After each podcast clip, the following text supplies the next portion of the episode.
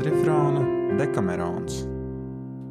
Labdien, esmu Dana Lāce, strādāju Latvijas Leļu teātrī un šodien jums lasīšu Dekamerona desmitās dienas sesto noveli. Uzvarām vainagotais karalis Kārlis vecākais iemīla skailā jaunavā un kaunēdamies savu nelāgo domu, godam izdod viņu un tās māsu pie vīra. Ja gribētu pilnīgi atstāstīt visas dāmas dažādās pārunas par to, kurš notikumā ar Donu Dianoru ir bijis visaugstsirdīgākais, vai Gilberto, vai Mesersāns Saldo, vai Burvis, tas vilktos pārāk ilgi. Taču, kad karalis bija atļāvis mazliet pastrīdēties, viņš paskatījās uz Fiametu un pavēlēja, lai tā ar savu noveli dara galu šai ķildai, un Fiameta bez kādas kavēšanās iesāka. Burvīgās dāmas, es alaži esmu bijusi tais domās, ka tādās sabiedrībās, kāda ir mūsējā, jārunā plaši, lai pārlieku īsa doma izteikšana nedod citiem iemeslu strīdiem. Tādi strīdi daudz vairāk piederās skolās mācīto vidū nekā starp mums, kuru saprašanas tikko pietiek vērpjamam ratiņam un vārpstiņai, un tāpēc es, kam prātā bija varbūt mazliet neskaidra novele, redzēdama, redzēdama jūsu strīdus par jau stāstītajām, atstāšu šo pie malas un stāstīšu jums kādu citu noveli, nepavisam ne par vienkāršu cilvēku, bet gan par drosmīgu karali, kas rīkojās bruņnieciski, turklāt nemazākajā mērā neaizskrot savu godu. Ikviena no jums droši vien daudzas reizes būs dzirdējis pieminam karali Kārli vecāko, jeb pirmo, pēc kuras spožā karagājiena un slavenās uzvaras pār karali Manfrēdu Gibelīnī tika padzīta no Florences, un tur atgriezās Gvelfi. Tāpēc kāds bruņnieks saukts Mesers Nerino un no Bertī dzimtas ar visu savu ģimeni un daudz naudas atstājis Florenci, negribēja doties nekur citur, bet vēlējās palikt karaļa Kārļa aizsardzībā. Un meklējams kādu vientuļu vietu, lai tur mierā nodzīvotu savas atlikušās dzīves dienas, viņš devās uz Kastela Māridi stabija un tur varbūt loks šāviena attālumā no pārējiem pilsētas mājokļiem starp olīvām, lazdām un kasteņkokiem, ar ko bagāšie apkārtne nopirka kādu īpašumu, uz kura uzcēla jauku un ērtu māju un blakus tai ierīkoja skaistu dārzu, kura vidū, tā kā tekoša ūdens netrūka, ierīkoja pēc mūsu paraduma skaistu dīķi ar dzīdru ūdeni un pavisam viegli ielaida tur daudz siltiņu. Un viņš tur nerūpējās ne par ko citu, kā vienīgi par to, lai no dienas dienā padarītu skaistāku savu dārzu. Un tad atgadījās, ka karalis Kārlis, pietroties karstam laikam, gribēja atpūsties un devās uz Kastela māri. Tur padzirdējis par mesēra nerīda dārza skaistumu, viņš vēlējās to redzēt. Un uzzinājis, kam dārzs pieder, viņš tā kā bruņinieks bija no viņa pretinieku partijas, nolēma, ka pret to jāizturas laipnāk un aizsūtīja tam pateikt, ka nākamajā vakarā viņš kopā ar četriem draugiem pavisam klusu gribot vakariņot tā dārzā. Tas Meseram arī bija ļoti patīkami, un visu lieliski sarīkojis un ar saviem kalpiem eh, norunājis, kas tiem darāms. Viņš sagaidīja karali savā skaistajā dārzā, cik vien laipnīgi prata un varēja. Karalis apskatīja un uzslavēja visu meserenerī dārzu un māju, un pēc tam, tā kā dīķa malā jau bija klāti galdi, viņš nomazgājis rokas, piesēdās pie viena no tiem, un grāfam Guido di Manforte, kas bija viens no viņa pavadoņiem, lika sēsties vienā pusē un otrā meseram nerī, bet pārējiem trim, kas kopā ar viņu bija atnākuši, pavēlēja rīkoties pēc mesera nerī noteiktās kārtības. Tika pasniegta garda ēdieni un vislabākie un visdārgākie vīni, un maltīte noritēja jauki un slavējami, bez nekāda trokšņa vai traucējuma, tāpēc karalis it visu ļoti cildināja. Un kamēr tas jautri ietrēja maltīti un priecājās par vientuļo vietu, dārzā ienāca divas jaunavas, gadus 15 vecas, ar kupliem un gaišiem matiem, kas līdzinājās zelta pavadieniem un pīnēs nesapīti cirtojās un galvā viņām bija viegls miršu vainadziņš, un viņu sejas bija drīzāk līdzīgas eņģeļu, nevis cilvēku sejām. Tik maigas un daļas tās bija, un viņas bija ģērbušās vissmalkākā auduma tērpos, baltos kā sniegs, kur uzvilkta tieši uz kailās miesas. Virs jostas bija piegloša, bet lejpus tās paplašinājās gluži kā teltis un sniedzās līdz pat potītēm un tā, kas gāja pa priekšu, nesa uz pleca pāris tīklu, ko pieturēja ar kreiso roku, kamēr labajā rokā tai bija gara nūja. Otrai, gā, kas gāja aiz tās, uz kreisā pleca bija panna, padusē klēpis žagaru, vienā rokā trīkājus, bet otrā eļas krūka un degoša lāpa. Tās abas ieraugot karalis brīnījās un ar nepacietību gaidīja, ko tas varētu nozīmēt. Jaunavas pienākušas tuvāk, pazemīgi un kautrīgi paklanījās karalim. Un, kad viņas bija aizgājušas līdz kāpnēm, pa, kur, eh, pa kurām nokāpa zivi dīķi, meitene, kas nesa pannu, nolika to zemē līdz ar pārējām lietām un paņēma nūju, ko bija nesusi otra, un tad abas iekāpa dīķī, kur ūdens viņām sniedzās līdz krūtīm. Kāds no mēs arī arī kalpotājiem ātri sakūra uguni, uzlika pannu uz trīkāja un uzlais uz pannas eļu, sāka gaidīt, kamēr jaunavas tam metīs zivis. Viena no viņām bakstīja ar noju pa tām vietām, kuras zināja slēpjamies zivis, kamēr otra turēja pretī tīklus. Un tādā kārtā abas īsā laikā noķēra daudz zivju par lielu prieku karalim, kas visu ļoti uzmanīgi vēroja. Un aizmetušas pietiekami daudz zivju kalpotājiem, kas tās gandrīz dzīves lika uz pannas, viņas izpildot pavēli, sāka ķert viskaistākās zivis un mest uz galda priekšā karalim, grāfam Gvido un tēvam. Zīves lēkāja pa galdu, sagādājot karalim neizsakāmu prieku, un viņš savukārt paņēma dažas no tām, laipni sviedtās atpakaļ jaunavām, un tā viņa kādu laiku jokojās, kamēr kalpotājs bija izcepis visas zivis, kas bija iedotas. Tās nu pēc mēs ar nerī rīkojumu tika pasniegtas karalim uzkodām, nevis kā dārga vai reta maltīte. Kad jaunavas redzēja, ka zivis ir izceptas un gan zvejots, viņas izkāpa no dīķa, turklāt viņu baltās un plānās drānas pielipa augumam, neslēpjot gandrīz neko no viņu maigās, maigām miesām. Un ik viena no viņām paņēmusi atnestās lietas, kaunīgi pagāja garām karalim un atgriezās mājā.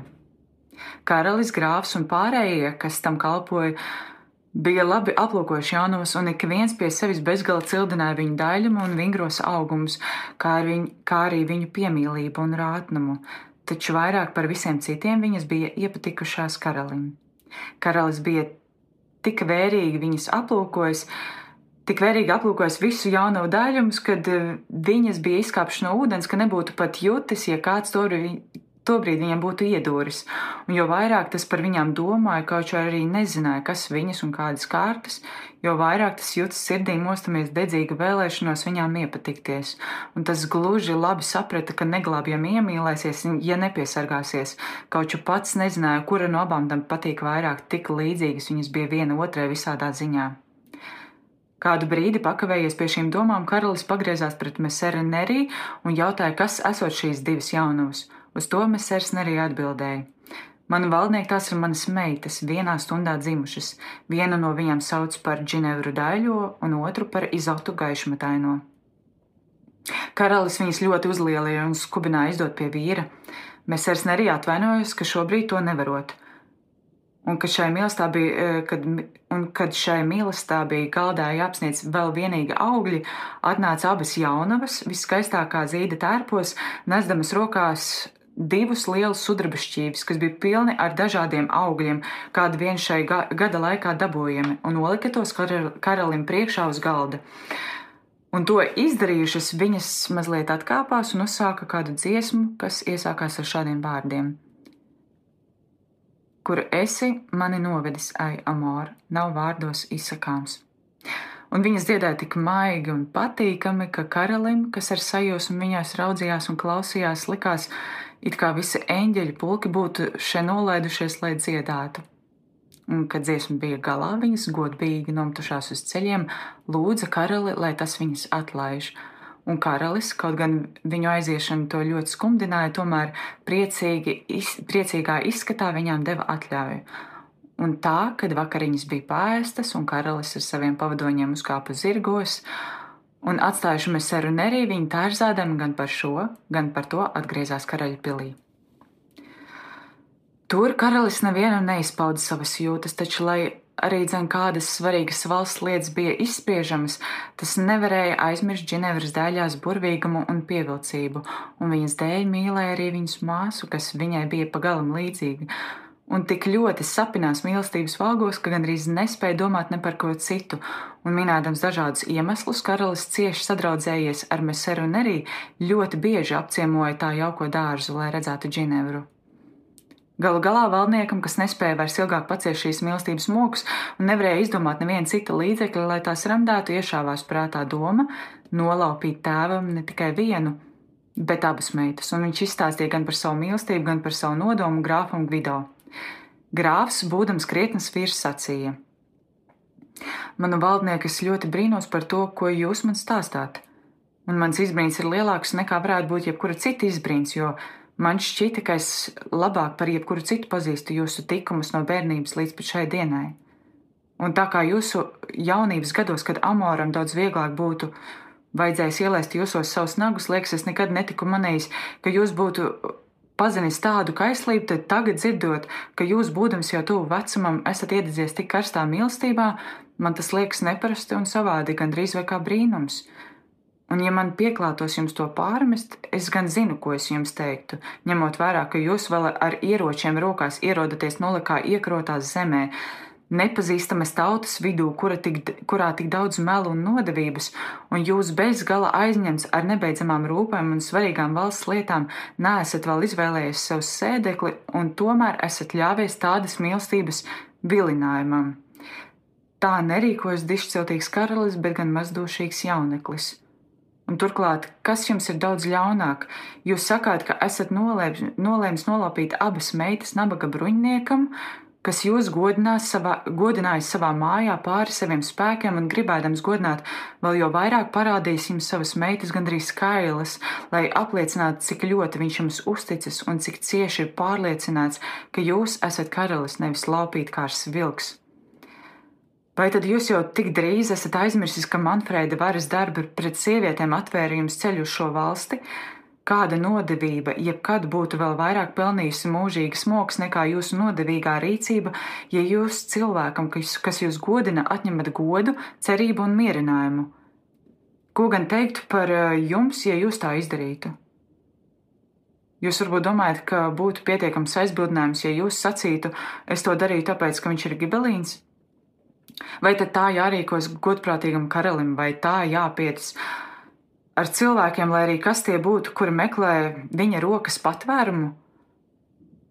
Es jums atgādinu, man valdnieki, jūs esat guvis nebeidzamu slavu, uzvarēdams Manfrēdu, bet daudz lielāku slavu gūs tas, kas uzvar pats sevi. Tāpēc jūs, kam jāvalda pār citiem, uzvariet pats sevi.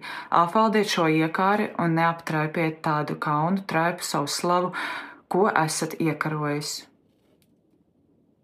Šie vārdi rūkti ievainoja karaļa sirdi un vēl jau vairāk apbēdināja, jo viņam bija jāatzīst, ka tie ir patiesi, tāpēc dažu labu reizi dziļi nopūties viņš sacīja: Grāf, patiesi es domāju, ka ikvienu ienaidnieku, lai arī cik stiprs tas būtu, pieredzējušam karotājam ir daudz vieglāk uzvarēt nekā savu pašu iekāri, taču, lai gan manas bēdas ir milzīgas un spēki ir vajadzīgi neizsakāmi lieli, jūsu vārdi Mani tā ietekmēja, ka pirms paies dažas dienas es gribu jums pierādīt darbos, ka protu pārvarēt pats sevi, kā esmu pratis uzvarēt citus.